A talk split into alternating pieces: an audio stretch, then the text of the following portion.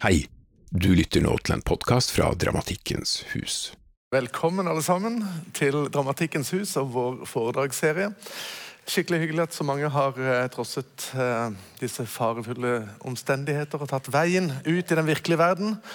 Eh, og så klart det er veldig hyggelig at dere i de tusen hjem også er med oss her i kveld. Eh, og Dramatikkens hus eh, foredragsserie ruller og går. Vi er vel på jeg vet ikke, åttende år eller noe sånt nå. Eh, vi eh, topper eh, sesongen allerede med selveste Elsa Kvamme, som skal snakke om Eugenio Barba. Vi er veldig glad for at du er her, Elsa. Ta vel imot Elsa Kvamme.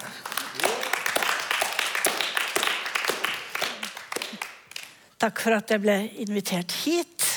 Hva snakker man om når man snakker om Eugenio Barba? Som dere skjønner, er det et ganske stort felt. Han er nå 85 år. Og jeg skal ikke snakke noe særlig om akkurat det bildet der, som er Eugenio Barba i Industrigata vis-à-vis Blikkenslageren i Oslo, som han gikk i lære hos som 18-åring. Og som gjorde et uutslettelig inntrykk på Barba. Han sier at det viktigste han har lært, lærte han av denne blikkenslageren fordi han lærte et håndverk. Og for han så er teatret et håndverk. Altså, det er noe av det viktigste han har ønsket å overgi til sine skuespillere. Um, så hele den historien om han, Bjørneboe og alt det der, det hopper jeg glatt over, for jeg er mer interessert i nå å snakke om Eugenio Barbo som regissør. Og kanskje litt også som dramatiker, men i hvert fall som regissør. Og også prøve å gi et begrep om hva er hans man kan si, metode og utvikling. Uh, og hva jeg vet om det. Jeg kjenner jo bare bitte litt altså, jeg, var i, jeg var i Odin-teatret to og et halvt år. Uh, og, men jeg holdt kontakt med dem, jobbet med dem mye siden. Men i, til og fra, kan man si. Sånn, det er masse som har skjedd der som jeg ikke vet noe om. Men uh, jeg får prøve å snakke litt om det jeg vet noe om. Eh, det som kanskje er hans hovedmeritt, da, og som begynte med Grotowski, det er at han har klart å løsrive teatret fra å være avhengig av en skrevet tekst for å skape. For å si det. det å prøve å skape ut fra skuespillernes egen fantasi. Eh, egen skaperkraft, kombinert med hans fantasi og skaperkraft. Og hvordan han har liksom utviklet det til at det blir et form for språk. Forskjellige slags språk. Som han da monterer og lager forestillinger av kontrapunktiske Med veldig, altså veldig mange lag. Det er, eh, noen blir huggerne at det er så mye lag, men jeg må si jeg elsker det. Det er jo som, som musikk også, moderne musikk, at det er dissonansene som skaper ofte spenning. da. Um, dette prosjektet altså Nå er det ikke riktig å si det aldri har skjedd i teaterhistorien. Selvfølgelig har man lagd teater uten litteratur før teaterhistorien. kommer det lart, eh, Asiatisk teater Det er masse former, men det skal vi komme litt lenger inn på litt senere. Men i den tiden hans teater oppsto, og først Grotowskis teater oppsto, så var teateret ganske rigid bundet til scener. Og til litteraturen. Og også Grotowskis var jo det. Men hans prosjekt, altså det, hele dette prosjektet startet jo egentlig i Øst-Europa under jernteppet. Og i, i, dag, som vi lever i det som kineserne kaller for pengenes tid, så er det vanskelig å nesten forestille seg hvordan kulturen var under ja, I Øst-Europa, eksempel, hvor kulturen hadde en veldig høy status og hadde ganske mye frihet. Jerzy Grotowski han var først politisk aktivist. Han var med i et progressivt parti. Og han eh, reiste til Moskva og ble regielev hos den tidens største regissører. Og han har en anekdote hvor han ble kjørt rundt av denne regissøren i hans limousin til det største fantastiske teatret som tok 2000 tilskuere, til hans fantastiske hus, hans fantastiske dacha, og så sier til slutt denne regissøren det er ikke verdt det. Teatret er dødt.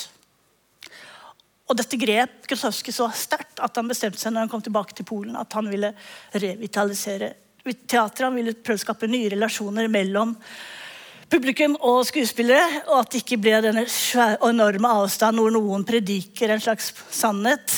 Som jo da var en politisk sannhet, men også en kulturell sannhet. For folk som bare skal sitte og ta imot. Så Grotowski ble tatt inn av Ludvig Flaschen, som var en noe eldre, veldig respektert dramaturg og hadde vunnet en eller annen konkurranse som fikk lov til å lage et nytt teater. Hvor sa Jerzy Grotowski skal regissere, og dette skal foregå i opphold. Det var en bitte liten scene som kaltes 13-radersteatret. Det var antagelig mindre enn her. Det hadde 13 rader.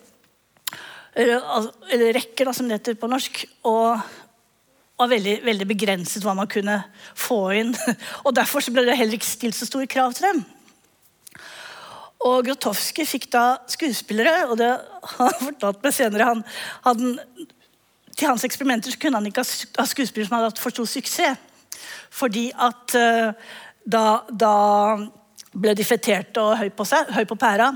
Så han rekrutterte folk som hadde hatt nederlag, som hadde vært i fengsel, eller sånn som Richard Cheslak, som ble den største scenen, han hadde drevet med dukkteater i mange år, var lei av det. Og disse ble da hans kan du si, eksperiment, guinea pigs. Kan vi først få se et bilde av Grotowski?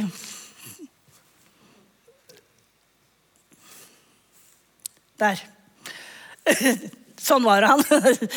Alltid røyk, alltid, alltid liksom litt sånn ikke spesielt eh, vegansk eller sunn. Uh, jeg var på et kurs på den gang. Da det bare biffer. Alle kjøleskapene var fulle av biffer. Så vi skulle ut og løpe og løpe, og løpe, og så var det igjen å ta en biff. og så var Det ute. Det, det var noen år senere enn dette. da. Men eh, Grotowski, han, han eh, Ja, vi kan ta neste bilde også. Han begynte med noe han kalte via negativa. og Det var å prøve å frigjøre skuespilleren fra det som hindrer han i å uttrykke seg gjennom kroppen. Og han startet da en trening. Det der kan jeg ikke se hva slags trening er. Det er, det i hvert fall ikke armbøyninger. Men han ga dem oppgaver som gjorde at de måtte bevege seg og tenke gjennom kroppen. De brukte han ikke direkte i forestillingene, men forestillingene Dette er fra 13. radios teatret. De ble da veldig preget av dette kroppsspråket. Det Grotowski gjorde som var utrolig provoserende i, i, Polen på den tiden, var at han satte opp klassikere, sånn som Akropolis. Uh, om, den der er som om de skulle være i Auschwitz. Og reglene var liksom minst mulig kostymer. Alt skulle være på scenen de, den timen forestillingen varte. Alt skjedde på en måte i et lukket rom mellom tilskuerne og publikum. Bytte bilde. Der, ja. Der ser du Det de gjorde, der var at de bygget sine egne krematorier. Og dette gjør han altså i Polen i 1959, hvor Auschwitz og hele den polske tragedien fortsatt er veldig, veldig nærme. Mens de da har en stemmebruk som, som ikke er naturalistisk. Altså, ja, de sier disse tekstene, om kanskje sånn en annen måte å snakke på. Så de, på det avnaturaliserer teatret. Og dette vakte jo veldig oppstyr, kan du si. Eh, de, vil, de ble stadig truet med, med, å bli stengt. Men ja, her kan du se Richard Cheslak, som jo ble kan du si det, i, Den konstante prinsen. Han ble den store stjernen. Han ble senere også skuespiller hos Peter Brook i Mahabharata. Og var den som gikk lengst i det å klare å korporere det fysiske uttrykket, så han, så han nærmest ble, ble menneskesønnen. Altså for Grotowski sa han, for han var teatret hellig. Det var et hellig sted hvor det som skulle skje, var på en måte nesten som en kommunion, men ikke religiøse begreper. Men et ritual mellom tilskuere og skuespillere som hadde teater som pretekst. Og hvor altså tilskuerne heller skulle være vitner enn en publikum. Dette er en scenografi. og han som sitter til venstre der, sånn, det er da Eugenio Barba. Dette er en spilleplass hvor de spilte på de to smale, nærmest plankene der. Og, og publikum satt sånn, sånn, nesten som han satt til bords med, med skuespillerne. At Eugenio Barba dukket opp uh, han hadde, Det var nok noe av redningen for Grotowski. Eugenio Barba gikk på um, Han hadde vært i Norge i fire år, vært i sjøs, hadde masse erfaring. Og hadde kommet inn på regissørskolen i Warszawa. Han var kommunist, men ble veldig fort avlært alt. Og fryktelig skuffet, fordi Polen var jo Det var absolutt ingen frihet for arbeidere. De hadde ikke engang streikerett. Og det var mye der, mer klassedelt og vanskelig enn en faktisk Norge var for eksempel, på den tiden. Så han ble veldig desillusjonert, deprimert, og treffer da på Grotowski, som sier kan du ikke komme til mitt teater. Og han begynner å si han skjønner ingenting. for han Er de ko-ko, liksom? Men han blir veldig fascinert, så han begynner å følge med på trening og, så videre, og er der i tre år. Og blir den linken Grotowski trengte for å komme ut av Polen. fordi det var jo reiseforbud den gang for polakker. Med mindre de var invitert til store festivaler osv. Men Sevjerino Barba kunne reise fritt, og han begynte å skrive artikler i tidsskrifter og invitere folk til å komme og se. Og si nå skjer det noe fantastisk i Polen. Noe helt revolusjonerende. Og han klarte til og med liksom å kuppe en buss med teaterfolk som var i Warszawa, og få dem til å komme til, til uh, Watch var det vel at de spilte, for å se en forestilling som, som var et vendepunkt for alle som så det. det var, de skrev hjem 'Gud, nå skjer det. Nå er det Polen det skjer'. Det gjorde også at, at Grotowski at de kunne reise utenlands. Og der, der var jo det, altså De hadde veldig sånn begrensning på hvor mange som kunne se dem. Jeg tror det var 60 eller maksimum 120. Og når det var et verdensberømt teater som kom til Paris eller New York, så ble det jo katastrofe. Altså Folk sto og dundret på døren og var rasende når de ikke kom inn. Og det ble større og større dette ryktet om dette fantastiske teatret. Så Derfor er Grotowski fortsatt kanskje mer berømt enn Eugenio Barba. Som, eh, fordi det, det, ble liksom virkelig en sånn kultforestilling. Um,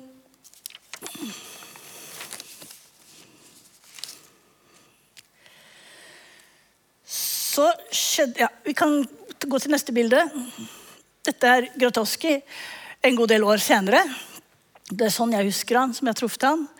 Og han uh, fortsatte sitt teater vel til uh, i hvert fall 74. Så gikk de i oppløsning, eller han, han løste det opp. Og Teaterlaboratoriet i Wroclaw ble oppløst i 84 da det var kupp der, da Jarosjelskij kom til makten, og alle flyktet. Men i dag så finnes det fortsatt. Men Groteski selv forlot teatret. Han, han oppløste og sa det har ingen mening for meg å gjøre det lenger. Når vi har drive parateater, så han begynte å studere mystisisme, uh, voodoo på Haiti. Han hadde egne grupper som han reiste rundt med. Som også er veldig spennende del, men som jeg aldri har fått noe dypere innsikt i, dessverre. Mens Eugenio Barba han tok da han ble først utvist, eller han fikk ikke fornyet visum i Polen, og dro tilbake til Oslo og startet Odin-teatret. Ehm, det skal som sagt ikke jeg gå så mye i detaljer i, for den, den historien kjenner jeg bare fra min egen film. Men jeg vil heller gå inn på mitt møte med Odin-teatret i 1972. Da hadde de fått en, da hadde de vært der siden 1966, vel, og fått bygd om et gammelt fjøs til å bli skuespillergarderober. Og de hadde to saler, en svart og en hvit. Og hvorfor kom jeg til Odin-teatret? Eh, jeg gikk på forsøkskrim og hadde drama. og elsket det. Jeg var, men jeg syntes det var litt kjedelig. Altså, det var veldig mye sånn ja, Jeg vet ikke hvor mange her som har drama, ja. men det er mye gå rundt og gjøre litt generelle ting, da. Og så så jeg et bitte lite klipp med Susanne Ostens Fikkteateren på TV. Og jeg bare Tja, det That's it. Sånn har jeg lyst til å drive med. For jeg hadde lyst til å gjøre noe skapende, men jeg hadde ikke lyst til å skrive. Jeg syntes det var så kjedelig å sitte alene og skrive. Jeg hadde lyst til å gjøre, skape sammen med andre folk. Og jeg var ikke fascinert av det teatret som gikk, fordi det var også veldig sånn avstand og veldig sånn formelt. Litt kjedelig. Det vanlige teatret. Men gruppeteater det skjønte jeg med en gang. Her ligger det noe. Så hadde jeg en venn da, som het Totto, som også gjerne ville gjøre teater. Og han hadde vært ved Odin-teatret. Men da var liksom visjonen at vi skulle, vi skulle, reise på landet, drive gårdsbruk og lage teater. Det var den store forsøksvisjonen. Den varte for meg en dag, tror jeg. Og jeg skjønte at her må spas veldig mye gjødsel før det blir noe teater her.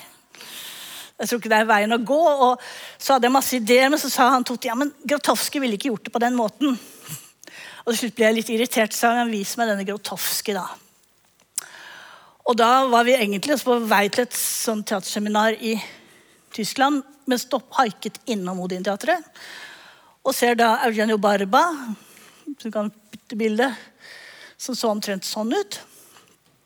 Satt på sitt kontor, og han var ikke i godt humør fordi de hadde fått avbrutt en turné med Min fars hus, som var en store, stor Dostojevskij-forestilling de hadde pga. en skuespiller som brakk beinet. Og han skulle ta opp nye elever i noen måneder senere. Eh, jeg syns ikke det så noe, verken han eller teatret så noe særlig fascinerende ut for et ungt menneske. Det var langt ut på bondelandet, det også. Og, men jeg fikk liksom uh, Ble notert da, som en som kunne inviteres. Og så fikk vi vel med oss kanskje TTT, som Erjana Barba ga ut et tidsskrift som var helt, helt fantastisk. Teatrets teori og teknikk. Og tror jeg var tilbake i Norge så begynte jeg å lese noen av disse artiklene om teatrets fysiske muligheter. Og da ble jeg ganske tent på det. Men så tenkte jeg jeg har jo tenkt å søke teaterskolen. Så, så det er kanskje litt sånn uærlig å komme dit og bare ville ha et gratis kurs. Jeg skrev det til han et brev da. Så fikk jeg et veldig poetisk vakkert brev tilbake, og han sa alle frø Alle trær som skal bli store, begynte en gang som et frø. og det kom på bursdagen min. Så tenkte jeg ja, nei, jeg må dra dit. Og da dro jeg før, så, før det så dro jeg og så, min fars hus. Og den kom vel kanskje her, ja. Og det, altså, det var teater. Det var helt fantastisk. De hadde lagd sett Torgeir Vettal, norske skuespilleren til venstre, og Else Marie Laukvik, også norsk, av Dostojevskijs uh, liv, biografi, kan du si, men hvor folk fra 'Idioten', folk fra Raskolnikov, fra forskjellige av bøkene møtes i ett rom, som På en måte som var uh, utrolig suggererende. Og alt musikk, alt var innenfor spilleplassen. Det er en regel som han liksom har fortsatt med inntil faktisk den siste forestillingen. bryter han den regelen. Det var veldig skuffende. Men at alt er inne i samme universet. Alt er, Vi deler det samme med publikum. De, det blir lys, det blir skygge, det blir, det blir mørkt. Det blir, de bytter plutselig et svært teppe, og så er det svart gulv. ikke sant? Utrolig mye som skjer innenfor akkurat der publikum sitter, som var på de benkene rundt. Uh, min fars hus var også et veldig stort vendepunkt for Eugenio Barba. For det var den første, uh, første forestillingen han lagde bare fra skuespillernes improvisasjoner. Og han ikke hadde en skrevet tekst av ja, Først så hadde han jo Jens Bjørneboes tekst, Petter Schebergs tekst og forskjellige dramatikere. Men her var han selv gått inn i rollen som dramatiker og man kan si teaterkomponist. Uh, og det var, ble en kjempesuksess. Den, den, turnerte i flere år. Jeg tror jeg har sett den 20 ganger, for jeg ble jo etter hvert elev der. Men den eh, Ja. Men mannen så fortsatt sånn ut. Og for oss som var hippier, så var det litt rart, liksom. Han, han uh, satt i et hjørne, kunne vært der, liksom. På en sånn liten gammel kontorstol som var veldig slitt og hadde hjul. Og når vi da kom til elevopptakelse, så var det vel vi var vel en, kanskje 25 stykker, tror jeg. Noen hadde liksom ventet to år på denne anledningen. Uh, og det var uh, litt spent stemning.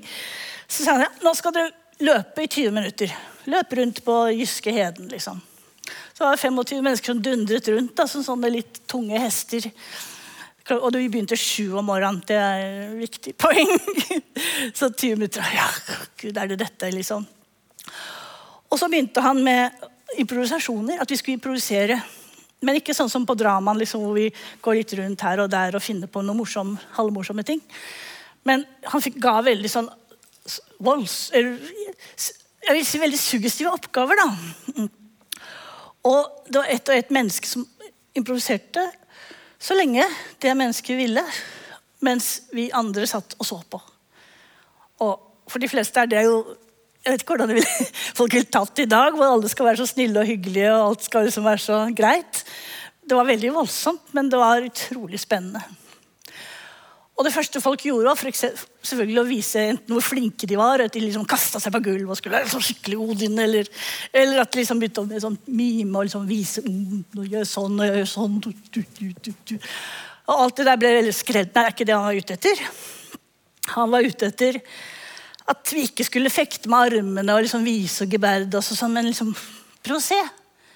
Hva kommer av bilder? Hva, hva, hva reagerer du på? Kan du huske ditt første kyss? Kan du huske hvordan det er å gå på sand? Altså, dette var ting han sa som regissør, ikke som han instruerte. Nå skal du huske hvordan det er å gå på sand. Men prøve å få, få oss til å huske den sanselige hukommelsen. Og uten å ville formidle hva de så. Og det var veldig snålt, for når folk gikk inn i den verdenen, så var det noe som skjedde i rommet som alle merket. Og vi opplevde jo det som et mirakel. Jeg var så heldig å få en oppgave som jeg fortsatt husker, og som var at uh, du, er, du, er, sjøprinsessen som skal reise ned til havets bunn for å møte din elskede. Det var et eller annet sånt som ja, i hvert fall tente litt i meg. da, og Som gjorde at jeg turte å kaste meg ut på det dype havet og, og lete, lete for å finne osv. Og, så og det øh, gikk ganske bra, da. Tydeligvis var alle, etterpå alle helt sikre på at du kom i hvert fall inn. Og jeg ble veldig forbauset, for jeg hadde ikke tenkt å komme inn der. Uh, noe annet han jobbet med i den forbindelse som, som forbauste oss også, som var veldig krevende, men veldig bevisstgjørende, var hvordan gjenta en improvisasjon. Altså, alle kan improvisere, bare de liksom får noe tilrettelagt og begynner å skjønne litt grepen osv.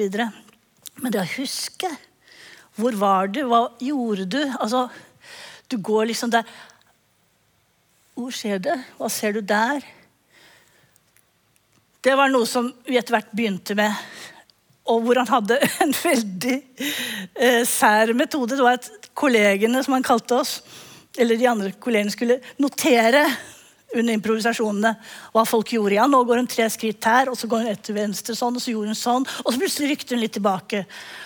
Eh, og det var faktisk på sitt beste en veldig god hjelp. Og det er sånn som, Vi har jo en sånn GPS-hukommelse der, det de forsker på der oppe i Trondheim. At vi orienterer oss Hjernen husker jo veldig mye ut fra rom hvor man befinner seg i rommet. Og da kommer også følelsen. Hvis man klarer å fastholde bildet, huske hva man gjør, så kommer også følelsen. Det var teorien, og på sitt beste så, så kunne det fungere sånn. Men sånn, ut fra det har han bygd opp veldig mange av forestillingene sine. Um, jeg vet ikke om det er klart fortalt. Det er um, Ja, jeg skal, jeg skal prøve å utdype det mer senere. Etter uh, fire Etter noen uker så, så kom vi var vi en liten elevgruppe på fire. Og uh, ja, før, før, vi forlater det bildet der, så vil jeg bare si at noe av det jeg syns var helt både fantastisk, men også kjempeskummelt, var at han mannen der satt liksom på den stolen og så på oss hele tiden. Uansett hva vi gjorde. Og han, han, ikke på en ekkel måte, men det var som han leste. Han, med beste vilje, Hva var det vi prøvde å formidle? Var det noe han syntes var interessant? Eller var det noe liksom som bare delete, for å si det sånn? Men den tålmodigheten han hadde til å sitte der liksom, time etter time og bare se på, for så kanskje å komme inn og komme med noe ja, greier, det, det, det beundrer jeg fortsatt. Men vi kan skifte bilde. Ja. Dette er, dette er elevgruppen. Madame Kvamme står da i midten. Og vi begynte, han begynte da med eksperimenter med oss. Altså Vi var fire som var blitt igjen. Mange, det ble veldig sånn eksistensielle kriser for veldig mange under den opptaksprøven. og Noen oppdaget at de var homser og måtte dra. Noen oppdaget noe helt annet og måtte dra. og Det var jo voldsom baluba. Uh, og noen ble kastet ut fordi han ikke likte spillestilen. Uh, alt på en vennlig måte, men, men uh, til slutt var vi bare fire igjen. Og da, kan, kan, da måtte vi liksom, ja, nå skulle vi etablere en elevgruppe. da. Og det var ja, en, en grønlender, Karl Olsen, en nordlending, Odd Strøm, og en fra Rena, Reidar, Reidar Nilsson, og så også meg fra Oslo. Uh, tre gutter og en jente. De var også litt eldre enn meg. Og Da begynte han å eksperimentere med trening. Og jeg tror det året, det var ett år vi jobbet med Eugenio Barba, bare vi fire. Og jeg tror det var for han også veldig befriende år, fordi han kunne liksom prøve ut forskjellige treningsformer. Og en treningsform som, som skulle forfølge meg resten av tiden, der, da, det var å trene med stokker. Og jeg er ikke sånn som liker å slåss med kniv. og Jeg vet ikke, jeg syns ikke rekvisitter var noe som, som tiltrukk meg, sånn som det tiltrukk Odin-teatret. Men stokker var det som det vi skulle prøve på. da. Og, og trening med stokker, det, det besto i å bruke den som partner. Altså prøve å lage øvelser og lage et språk. Og det er noe jeg har lyst til å liksom dele med dere. for liksom, jeg ønske Hvis det er noe som kan sitte igjen, så er det å gi en forståelse for hvordan man bygger språk. Hvordan man bygger fysiske språk. For det med den, den stokken eh, det handlet jo ikke om at vi skulle late som å, det er en pusekatt, eller at liksom, som folk begynte med først. da. Men å prøve å få den til å handle at en stokk veier så og så mye. Og hvis du ikke respekterer regelen, så får du den i huet, og det gjør vondt. Det var noe alle fort erfarte. Så da blir det liksom å, å lage øvelser som både har en vanskelighetsgrad og man kan si et spenningspunkt. Noe som er nesten ute av rekke, rekkevidde. Og en overraskelse. Sånn at uh, vi fikk det oppgave å lage fem øvelser per dag. Fem øvelser. Og en ting var å lage ja, man laget sopp, ikke sant? det er de, de selvfølgelige. Men så, etter hvert som man har laget fem øvelser uh, i en uke, da, så må man liksom bruke, begynne å bruke enda mer fantasi. Måtte utvide repertoaret. Og man begynner å få et vokabular.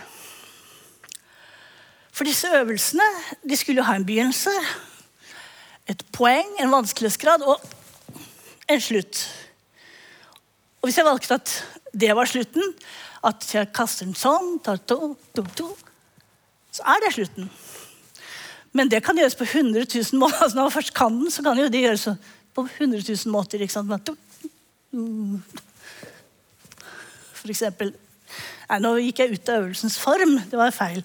Men man kan gjøre samme, akkurat samme mønster da, på veldig mange forskjellige måter. Og ettersom man har et vokabular, hvis man har 30 øvelser, så er man plutselig veldig rik. Fordi da kan man improvisere med disse 30 øvelsene. Og, og møte, også da å møte andres 30 øvelser. Man kan lage en dialog. Hvis jeg gjør sånn, og han svarer med, med sånn, f.eks., så går jeg tilbake og svarer med en annen øvelse. Det er liksom som musikk, egentlig, jazzmusikk. Man har, finner noen akkorder som man har lært på et instrument man har lært, og får da en frihet til å improvisere. Så disse stokkene her Som dere ser, så var det ikke bare stokker. Etter hvert så, så skulle vi også lage klær som liksom kunne stimulere denne stokktreningen. da. Og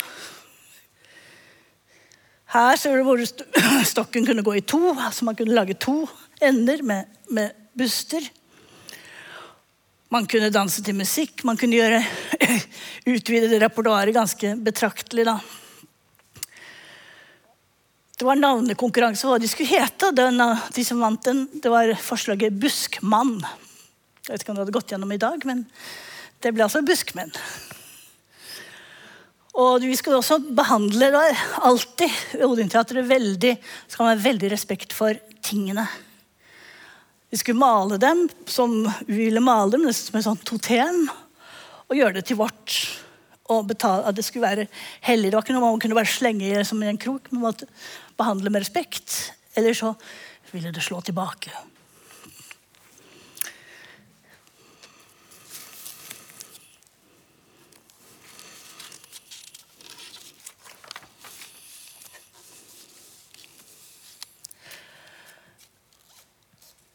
Vi hadde også andre typer treninger. Og eh, jeg husker veldig godt den dagen Iben Nagel Rasmussen og Jens Christensen kom inn i Den sorte sal og skulle lære oss akrobatikk. De hadde vært på uh, turné selvfølgelig med Min fars hus og var bare innom. Men de lærte oss da i løpet av et par timer en ti-tolv akrobatiske øvelser, som vi selvfølgelig ikke klarte der og da, men som ble et fundament vi skulle øve videre på. Og Iben var til og med så sjenerøs å si at du må da ikke fortsette å trene de der jævlige trikotene. Det var jo da, som nå også, mange som trente i sånne fæle, etterskitne trikoter. Og hun sydde da en sånn posebukser til meg. Gule posebukser. Og med en gang så kjente jeg oi, nå kan man liksom fly. Det var, det var det jeg trengte. Og akrobatikk, det betyr jo lek med luften. Og der var det også på samme måte at vi lærte etter hvert de akrobatiske øvelsene, men så var det som å gjøre dem på gulvet uten matte. Og det var en stor overgang. altså Det krevde et helt annen bevegelighet. Det var nesten som at man måtte gjøre det i slow motion først for ikke å bli full av blåmerker. Etter hvert så fant man også løsninger der. Også det ble et språk hvor vi kunne improvisere og møtes. Og husker vi hadde noe som het fiskedam, som var utrolig morsomt, men forferdelig krevende. For da hadde vi, akrobat... altså, vi hoppet over hverandre inn. Altså, det var sånn, virkelig en fiskedam med akrobatikk. Og fryktelig farlig hvis man ikke var 100 present da, men, men det, det, gikk bra. Noe som jeg, En annen teknikk som jeg har hatt mye glede av senere når jeg selv hadde kompani, da, det er slow motion. Som jo er det motsatte av disse uh, veldig voldsomme tingene. Men også hvor man lagde øvelser. Altså man kunne liksom prøve å gjøre én ting av gangen og ha forskjellige figurer da, som man gjentok. Men jeg tror ikke slow motion var så mye for Eugenio Barba. Vi, vi gikk aldri dybden der. Han var mer propell. Um, hvorfor ble det arbeidet så viktig for meg? Uh, hvorfor at jeg ble der? Det, det var Jeg vet ikke Det var noe veldig befriende ved å kunne leke seg til en slags kontroll. Kanskje til å det, For det første, det å jobbe med energi. altså Vi løper jo fortsatt 20 minutter hver dag på morgenen. Og det er en slags lov jeg har merket meg i mitt liv. at Jo mer energi man måtte utvikle, jo mer energi får man. Og vi bygde oss opp på et level som ble ganske bra etter hvert. Samtidig så var det jo stadig en enorm motstand, i hvert fall hos meg. Måtte stå opp så tidlig om morgenen, måtte å dra, sykle ut på den jævla jyske bondelandet i motvind og alt mulig regnvær og gud vet hva. Og, og masse andre ting som liksom gjorde at jeg kanskje heller skulle til et mer lukrativt sted. Men jeg synes hele tiden jeg fikk masse tilbake, og jeg syns det var veldig interessant det han snakket om treghetskraften. Inertiaen. Og det er kanskje noe av det som jeg har lært mest av hos Odin Teater. Det er å se sin egen motstand, sin egen inertia. eh, og prøve å komme i dialog med den. Altså, jeg husker en dag folk hadde med seg vann inn i treningsrommet. Sånne plastflasker jo, det var plastflasker da òg. Og jeg tenkte genialt! Da kan vi bare drikke hver gang vi er tørste. Oi, det har alle hatt med seg plastflasker. Og jeg tenkte, Vekk med de flaskene! Uh, ja, hvis dere fortsetter sånn, så får dere ikke gjort en dritt, og dere kommer til å bli mye mer slitne enn om dere ikke drikker vann. Gjør det i pausen. I dette rom skal det ikke være noe mat. Ingenting sånn, sånn distraherer fra arbeidet. Ja, ja, så måtte vi respektere det, og, og jeg skjønte han hadde rett. fordi at i det øyeblikket liksom det står der, så blir det en Jeg tar en liten pause, ikke sant. Og i det øyeblikket man har gjort det, så er man på en måte gått ut av det. Så må man inn igjen. Og sånn jobber jo hjernen hele tiden. Man er alltid vekk. Man vil alltid helst sitte i sofaen. Man vil helst Å, nå har jeg en god dag her. ikke sant? Det å gå ut på tur Det er en overvinnelse. Men det er en veldig interessant dialog, for det er også en dialog som liksom bringer en nærmere de såkalt demoner som man har og som alltid vil lokke en ut der hvor man kanskje ikke skulle vært. Og det er jo det dramaet ernærer seg av å bli vist hvilke demoner som er. Uh, vi jobbet også med disse improvisasjonene. Og jeg må si at der hadde jeg vel kanskje uh, de største vanskelighetene på Odin-teatret. fordi jeg var veldig ung. Jeg hadde 19 år, liksom. Jeg hadde ikke opplevd så veldig mye. Begynte å lese Dostojevskij og Kurt, hvordan vi lærer om menneske. Og jeg måtte virkelig tenke meg inn. Og, ja, hva, hva, gjør man nå? Hva, hvordan er disse store følelsene og personen og alt det der? Og øh, Særlig på et tidspunkt jeg var veldig forelsket og hadde en god kjæreste, så var det veldig vanskelig å improvisere, for jeg var jo bare fornøyd. så, så det, det, har nok litt med livserfaring å gjøre. Men uh, treningen og alt det der var jo som sagt store ting. Men etter at jeg hadde vært der et år, var det vel Jeg ble veldig syk på et tidspunkt. Jeg fikk sånn kyssesyke, så jeg lå på sykehuset. Og så kommer Jenny Barba inn på besøk, og så sier han at uh, om et halvt år så skal vi dra til Sør-Italia. Og vi skal være der et halvt år. Og vi skal lage en ny forestilling der, og elevene skal smelte sammen med ensemblet og juba juba. Så Hvis vi får neste bilde Ja, det er, ja, det er Eugenio Barba i Sør-Italia. Nå tenkte jeg skulle komme med Coda Color, men, men sånn så han ut den gangen. Og jeg syns det var helt fantastisk å kunne tenke så stort. Og, og ja, ja Sør-Italia, du verden. Eh, for han så var det å komme tilbake til der han kom fra. ikke sant? Gallipoli. Vi dro til Carpignano, som er i, på hælen av Sør-Italia. Og han, han, eh, kom fra lands, en by som er på Napoli-siden, på den andre siden. Var egentlig sønn av en general. Det ante jeg ikke da, at han var en sønn av en general. Men han kom tilbake til sine hjemtrakter med en bande skandinaver som gjerne gikk barbeinte og hadde langt hår og flagrende gevanter til Sør-Italia. Vi bodde da først i et, noe som heter El Castello, et slags slott som hadde vært en tobakksfabrikk. Og Han snudde opp ned på alle sine tidligere regler. Plutselig så bodde hele ensemblet sammen et slags kollektiv, mens han og hans familie bodde like ved. Og vi begynte å trene utendørs. Det var for varmt å trene innendørs. selv om det hadde også en sal der. Og så kom folk og spurte skal dere ikke spille hvis det er teater, så må dere kunne spille forestilling for oss. Vi hadde ikke noen forestilling akkurat da, så vi begynte også å synge folkesanger. Uh, det er meg med gitar. Det, skapte jo stor interesse, men det kom ikke så mye ut av det. Liksom. Det var jo liksom ja, hvorfor skulle vi det, egentlig? Men var vi samarbeidet med en gruppe fra Lecce, eh, som var en universitetsgruppe og en folkesanggruppe, som hadde liksom organisert at vi kom ned der. Det var jo masse styr rundt det. Det var jo et eksperiment, det òg. Og ja, her, de ville at vi skulle begynne å lage, ja, lage en forestilling som vi kunne vise for folk. Og da var de utviklet av disse, Jeg utvikla videre den stokktreningen min til at det ble en dramatisk handling. kan du si, At det ble noe mer enn bare trening, men at jeg lagde en slags koreografi sammen med Eugenio. Og i begynnelsen ble det ble vel tolket som nærmest en slags heks. Uh,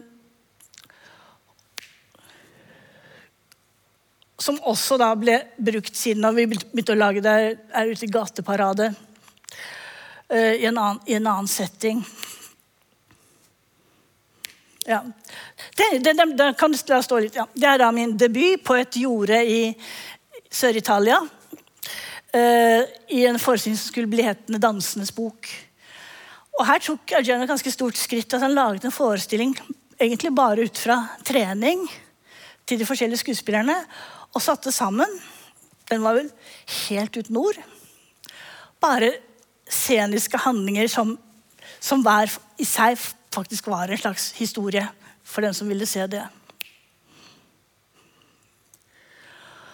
Og her kommer det, det store vendepunktet for Eugenio Barba, da han fant ut at altså de ville vi skulle komme og spille. Først hadde vi ikke noen forestilling å spille, men vi klarte å lage en forestilling han lagde også en klovneforestilling med tre av skuespillerne.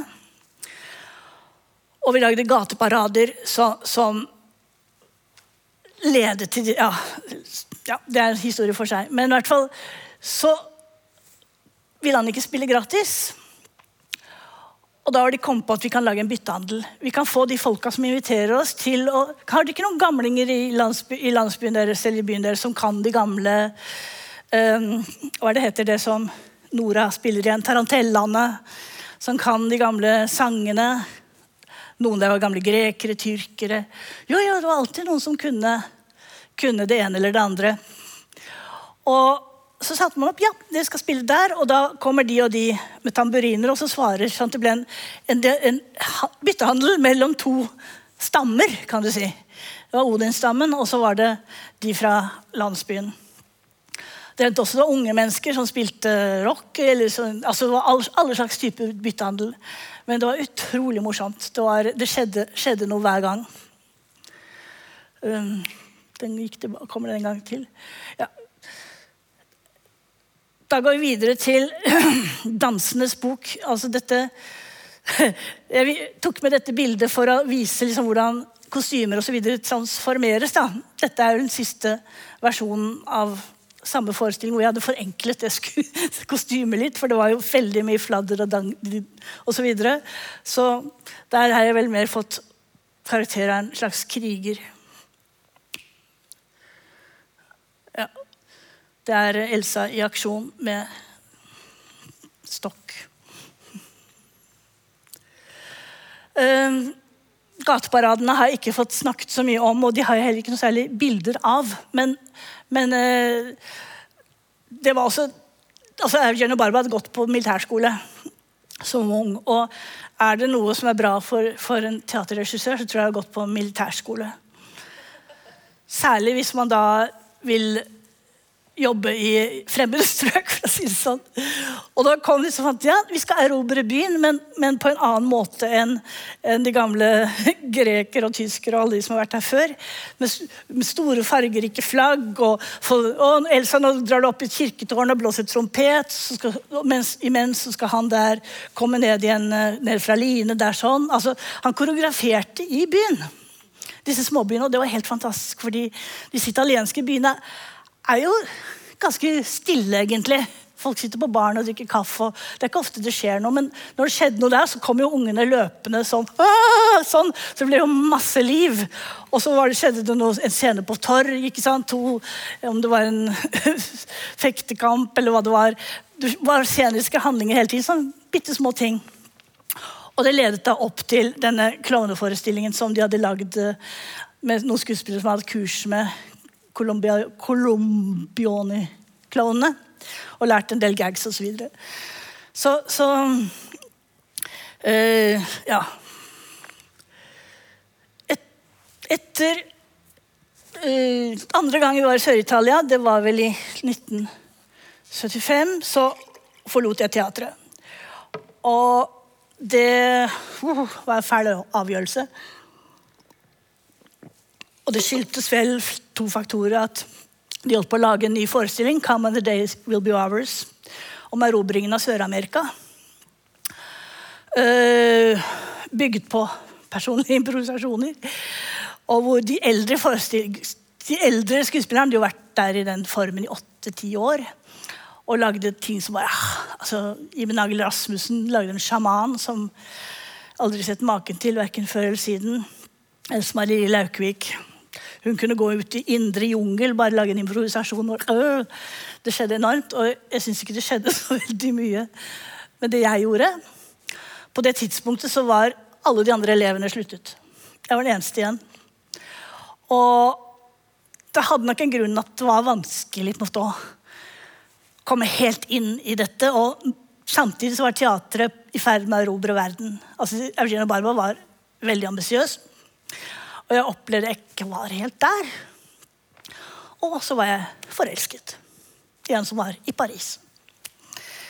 Så jeg sluttet, og vi dro til Vi lagde en klovneforestilling, jeg og min daværende Julie Bær.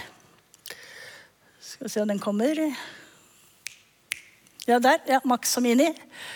Um, som jeg er ganske stolt av, fordi det, det klarte vi faktisk å gjøre på et halvt år. Sånn, å bygge opp en forestilling som fungerte både for barn og det var ikke fullt så populært på gamlehjem, for vi falt så mye. Ah, faller dere? og, og, det var veldig rart å komme til Norge, for eh, det var veldig vanskelig å selge forestillinger. Folk var vant til at man skulle opptre gratis. Vi solgte den for 800 kroner, tror jeg, og levde av det. Men når vi først kom i gang, så, så, så, så gikk det bra. Vi hadde tenkt å ha den med, vi skulle reise til India, men det ble litt for mye å dra på, så vi reiste uten forestilling. Men noen år, i 1977, startet jeg da min egen teaterkompani, Saltkompaniet. Og brukte da de samme prinsippene som jeg hadde lært oss Eugenio Barba for, for, for, å få skuespillere. Vi begynte syv om morgenen. De som klarte det, de var allerede halvveis inne. Der var det største frafallet. Og vi begynte med fysisk trening. Og, og prøve å lage språk.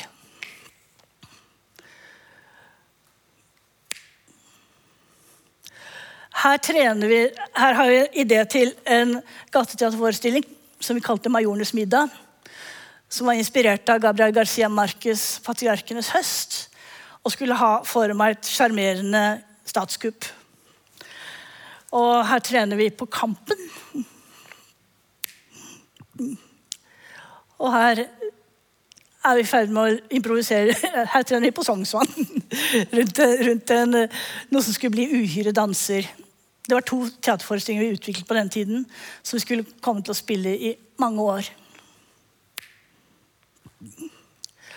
Og her samarbeider vi med, med gamle forsøksgymnasiaster om en en uh, aksjon som jo faktisk har fått veldig mye for seg i dag, som heter Bilfri by.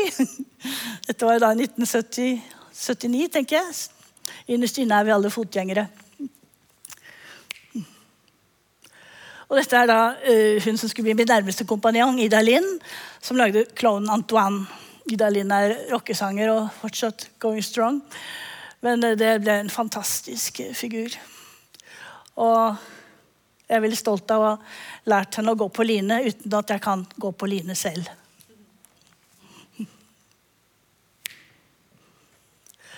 Og dette er 'Majorenes middag', som vi her spiller i Morsia, tror jeg det var. Uh, og det var 1979. Og det var ikke så veldig lenge etter Francos kupp. Så denne forestillingen ble veldig godt tatt imot i Spania. Jeg hadde brukt da samme greia som Eugenio Barba i forhold til at folk hadde uh, ting som gjorde det vanskelig for dem. Per Borg, som går på stylter der, måtte lage et språk til det. Inge Gunnarsson han gikk på rulleskøyter, det ser dere ikke, men han var prest på rulleskøyter og lagde en nydelig koreografi. Ida Lind hadde denne kongaen og måtte da bevege seg etter det. ikke sant? Mens jeg gikk på litt kortere stylter og spilte mandolin. Så vi brukte disse tingene til igjen å finne språk, altså øvelser som gjorde at vi kunne lage en koreografi og holde en spenning egentlig med ganske enkle midler.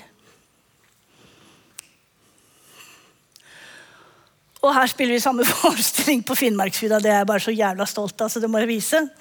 Det er under Alta-aksjonen. Og da hadde vi det er, det er, noe jeg kommer mer innpå i filmen min enn her, men det med gruppepsykologi, som Eugenio Barba var jævlig god på. Han sier han må lage jordskjelv med jevne mellomrom, så ikke folk i en gruppe liksom går i stå eller går i tottene på hverandre. Altså må stadig finne nye spilleregler. Eh, I Saltkompani var det også vanskelig å få folk til å bli over tid. Og vi hadde en periode som var vanskelig, men så skulle det være denne Alta-aksjonen. Og så sier jeg vi drar til Alta, men da må vi først ha en forestilling. Det er barneår i år. Kanskje vi får penger til barneturné, men da må vi først lage en barneforestilling. Og da brukte vi de eh, typene som vi hadde laget klovnefigurer ja, fra året før. Vi brukte de til å øh, lage Antoine, så hennes Antoine, og vi hadde August. Og så lagde vi dem i Frankenstein-myten. Altså, vi hadde uhyre. Han, han, per Borg han spilte da uhyre. Og klarte å lage en forestilling faktisk på tre uker, som vi spilte i to år. Fordi vi skulle til Alta.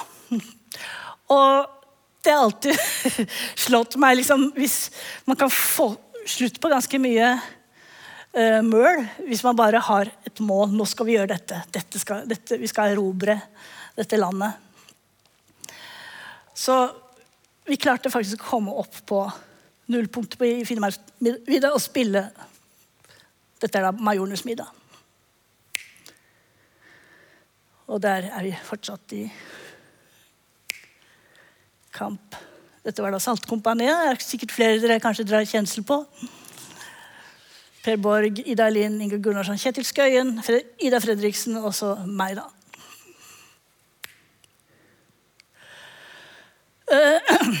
jeg må se hvordan ligger an med tid. Ja. Her kom vi til Eugenio Barbas nye vendepunkt. Og det var da han virkelig forfulgte sin lyst til å lære til å bringe inn asiatisk teater i det europeiske. I dag høres det nokså selvfølgelig ut at man kan se indisk og balinesisk og blandeteknikker og sånn i en forestilling, men på den tiden så var det veldig eksotisk. Uh, han hadde gjort det grepet Først skal vi se hva som er neste bilde. Ja. Og som et av sine jordskjelv så ga han skuespillerne tre måneder fri. Hvor de, skulle, uh, reise, de kunne reise til hver sin verdensdel. Men betingelsen var at de skulle forberede en forestilling om Bertolt Brecht. Noen reiste til Bali, noen reiste til Brasil, noen reiste til India. Og Torgeir Vettel ble hjemme og laget film, eller klippet en film. Eh, så kom de tilbake, og de tre som hadde reist til Bali, de hadde lært seg balinesisk dans. Og de hadde virkelig lært seg det. De som hadde reist til, Ind han som hadde reist til India, hadde lært seg katakali-dans. Og de som var i Brasil, capoeira. Uh, det fortelles fra skuespilleren da de viste hva de hadde lært, så ble Eugenio ganske sur. For det var ikke noe Bertolt Brecht. De hadde gjort noe helt annet. Men så satte han det sammen til en forestilling som het Millionen. Uh, og som dette er så dårlige bilder at jeg bare må vise dere, fordi enda de er så dårlige.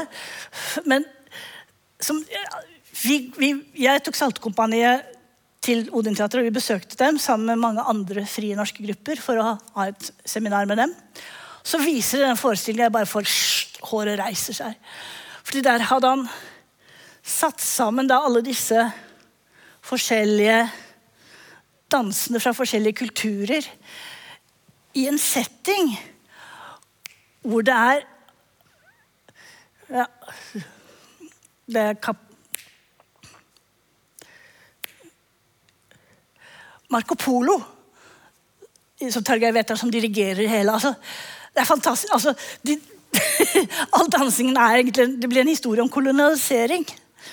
Uh, så, som er, for meg var helt grenseoverskridende. De hadde laget et storband. altså De hadde lært seg å spille de, Trommer og Alt var innenfor samme ramme som man pleide å ha. Men alt sto skuespillerne for. Og de hadde liksom bare løftet seg så mye høyere siden sist jeg så dem. De laget også forestillingen om Bertolt Brecht, Brechts aske, som også ble vanvittig bra. Uh, så det, jeg vil vel si kanskje det var noe av høydepunktet i Odin-teatret. Men så lagde han noe som het ISTA, samtidig som er International School of Theatre Anthropology. Som jeg og Tor Arne Uskin fra Grenland Friteater dro til. Som var en slags sko ambulerende skole. Og der trakk han inn da mestere fra, andre, fra ser vi kan se Det er så Katakali.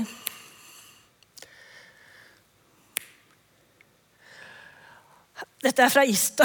Dette er fra at vi har Ista i Porsgrunn, faktisk. Og når vi fikk Ista til Porsgrunn, så betydde det at vi fikk en hel gjeng med balinesiske lærere, eh, japanske Det var indere som aldri hadde sett snø før de kom, og vi hadde ca. 80 deltakere fra hele Norge også som deltok.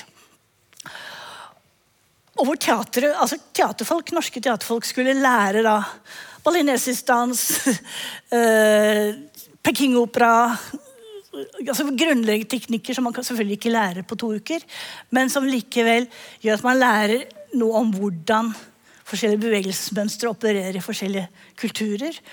Og også hvor vanvittig rikt f.eks. indisk dans er. Altså det er jo, hvis man snakker om øvelser og vokabular, og sånn, så har de jo de Hver minste øyenbevegelse er jo koreografert. Hver minste hodebevegelse. Alt er jo forskjellige språk i kroppen som snakker med hverandre. Så dette er Sanjukta Panigrai, som var lærer i indisk dans. Og Modipasek Tempo, som er balineser. Og eh, en skuespiller fra Peking-operaen i Taiwan. Og Katsuko Osuma fra Japan. Så vi har helt annerledes vår slags buto-dans eh, som virkelig det motsatte av Sanjukta Panegrais ekspressive utadvendte. Så var det Og noen år senere så ser Daodin-teatret sånn ut. Og her ser dere hva som har skjedd. At de har bygd på enda en sal. De har nå en svart, en hvit og en rød sal. Og et tårn. Eller en gammel kornsilo. Og har masse treningsmuligheter. Og Odin-teatret begynte å mer og mer åpne seg for besøkende, for å ha gjester på besøk. Grotowski fikk et tilværelse der en stund. Og det ble et større og større miljø. Men den store, store historien deres er selvfølgelig hvordan de har erobret vil si, Sør-Amerika, hvor betydningsfulle de skulle bli i Sør-Amerika. Og også den store turneen de dro på da rett etter at jeg hadde Eller et, år, et par år etter at jeg hadde forlatt kompaniet. Hvor de faktisk fikk til en byttehandel med indianere i Amazonas jungel. Og det er noe som verken vil skje som ikke hadde skjedd før, som sikkert ikke vil skje siden. I dag vet man jo at hvite mennesker skal jo helst ikke dras for mye til relativt uberørte folk i jungelen. Men de spilte da den Come on the Day Will Be Ours, som ble en fantastisk forestilling om erobringen av Sør-Amerika. Og de spilte en klovneforestilling. Og det de har sagt, det var jo at reaksjonene var helt forskjellige på fra, ut fra det de hadde forventet. fordi Come the Day Will Be over, som de syntes var tragisk, med sjamaner og kolonialisering og alt, de lo vettet av seg. De syntes det var urkomisk når folk sto på tromme. og sånn.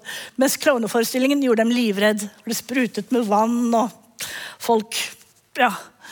Så det var helt andre lesemåter da, enn de var vant til. Jeg tenkte helt til slutt egentlig å snakke om Barbas visjon. Hva er Barbas visjon? Uh, altså Grunnen til at dette teatret har overlevd og blitt så rikt, er jo for det første at de spiller veldig mye, men de har klart å spille på sine egne premisser. Uh, jeg fortalte i begynnelsen at Barba er, var, er kommunist, grunnleggende sett. Altså han, vil, han sier selv han vil lage teater hvor han føler at det er en form for rettferdighet. Det ble praktisert likelønn, bl.a., ut fra ansiennitet osv. Og, og hvor, hvor det er en form for uh, fellesskap mellom de folka som er der, og hvor de også kan ha fellesskap med andre flytende øyer, som han kaller det. Gruppeteatre rundt om i verden. Og Begrepet flytende øyer er et veldig godt begrep, fordi han sier en øy, en flytende øy eh, holder seg flytende så lenge det er noen som bor der, og som steller det. Som passer på at det ikke gror for mye ugress, at det ikke blir for mye vann osv. Så og sånn er det også med, med gruppeteatret. Uh, hans visjon er jo også at, at det skulle uh, jeg vet ikke, påvirke Han alltid hånlig hvis man mener at teater kan forandre verden, for det mener han det absolutt ikke kan. Da må man finne seg noe annet å gjøre. Likevel vil jeg si at den sjenerøsiteten de har hatt til grupper, særlig i Latin-Amerika, har betydd enormt mye. For å lage alternative miljøer der det kanskje kan virke som det er ganske håpløst. Og de har fått et veldig stort nettverk, og det har gjort at de har kunnet reise rundt og tilby hele pakker. Altså, en ting er en forestilling som koster ganske mye, men de kan også tilby seminarer, workshops, soloforestillinger, byttehandler, parader. Altså de har, skuespillerne har et veldig stort repertoar også av aktiviteter. og Hans filosofi har også vært at jo sterkere skuespilleren er, desto sterkere blir ensemblet. Og skuespillerne på Odin-teatret er veldig sterke. De har hatt sine egne minigrupper. Etter at vår elevgruppe var over med Eugenio Barbas energi et helt år, så ble det slutt, tok han aldri mer elever. Han overlot det til skuespillerne. Så alle som har kommet inn siden, de har vært elever av forskjellige skuespillere. Og folk har kunnet følge sine andre lyster, sånn som Torgeir Vettal, som lagde film hele tiden ved siden av å være skuespiller. Eller Julia Wiley, som lagde Magdalena-prosjektet, som har vært et sånn kjempekvinneprosjekt. Hvor hun har, har betydd veldig, har samlet masse damer til jevnlige seminarer hvor de også lager nettverk og byttehandler. Sånn at de, de fikk veldig mange bein å stå på, kan du si. Samtidig så har han hatt denne eh, han har en veldig svart humor, vil jeg si. Men også kanskje historien, altså den historiske helten som ødelegges av Jeg kan si det individet. Individet som møter historien, er hans grunntema over alle grunntemaer. Den som blir ja, tråkket i hjel av, av ulike krefter. Så jeg hadde lyst til helt til slutt bare å vise dere en liten snutt fra Og det er jeg som har klippet sammen veldig fort og dårlig. Bare for å vise dere en slags stemning av en forestilling jeg setter veldig høyt, som heter Mytos. Og som jeg så på Cuba da jeg holdt på å lage denne boken om Eugenio Barba og Jens Bjørneboe. Eh, så jeg har sett den mange ganger. og den byen, jeg skal, jeg skal få si litt om åpningsbildet. Odin-teatret har jo veldig regler. At man ikke skal drikke vann i treningssal. Ikke, ikke, ikke, altså det skulle være rent og hellig og alt det der. Og der bryter han alle reglene ved at skuespilleren står litt halvprivate når, når publikum kommer inn. Uh, de småsnakker osv. Og, så og de står, tar jo litt tid før publikum setter seg. Så han går veldig imot liksom, sine egne teser. Da. Så og så begynner de å synge, og da får jeg litt sånn bakoversveis, fordi uh, det er bare Eugenio Barba som kan finne på å lage en sånn scene. Og jeg må si jeg ofte føler meg litt beskjemmet over min norske allmenne utdannelse, fordi at uh, vi har ikke Jeg hadde, jeg, jeg hadde i hvert fall ikke da jeg var der, den greske mytologi osv. innabords, forlengs og baklengs. Uh, vi står noe tilbake i forhold til hvordan man leser disse tingene. Men likevel, det er utrolig suggererende og håndverksmessig fantastisk gjort.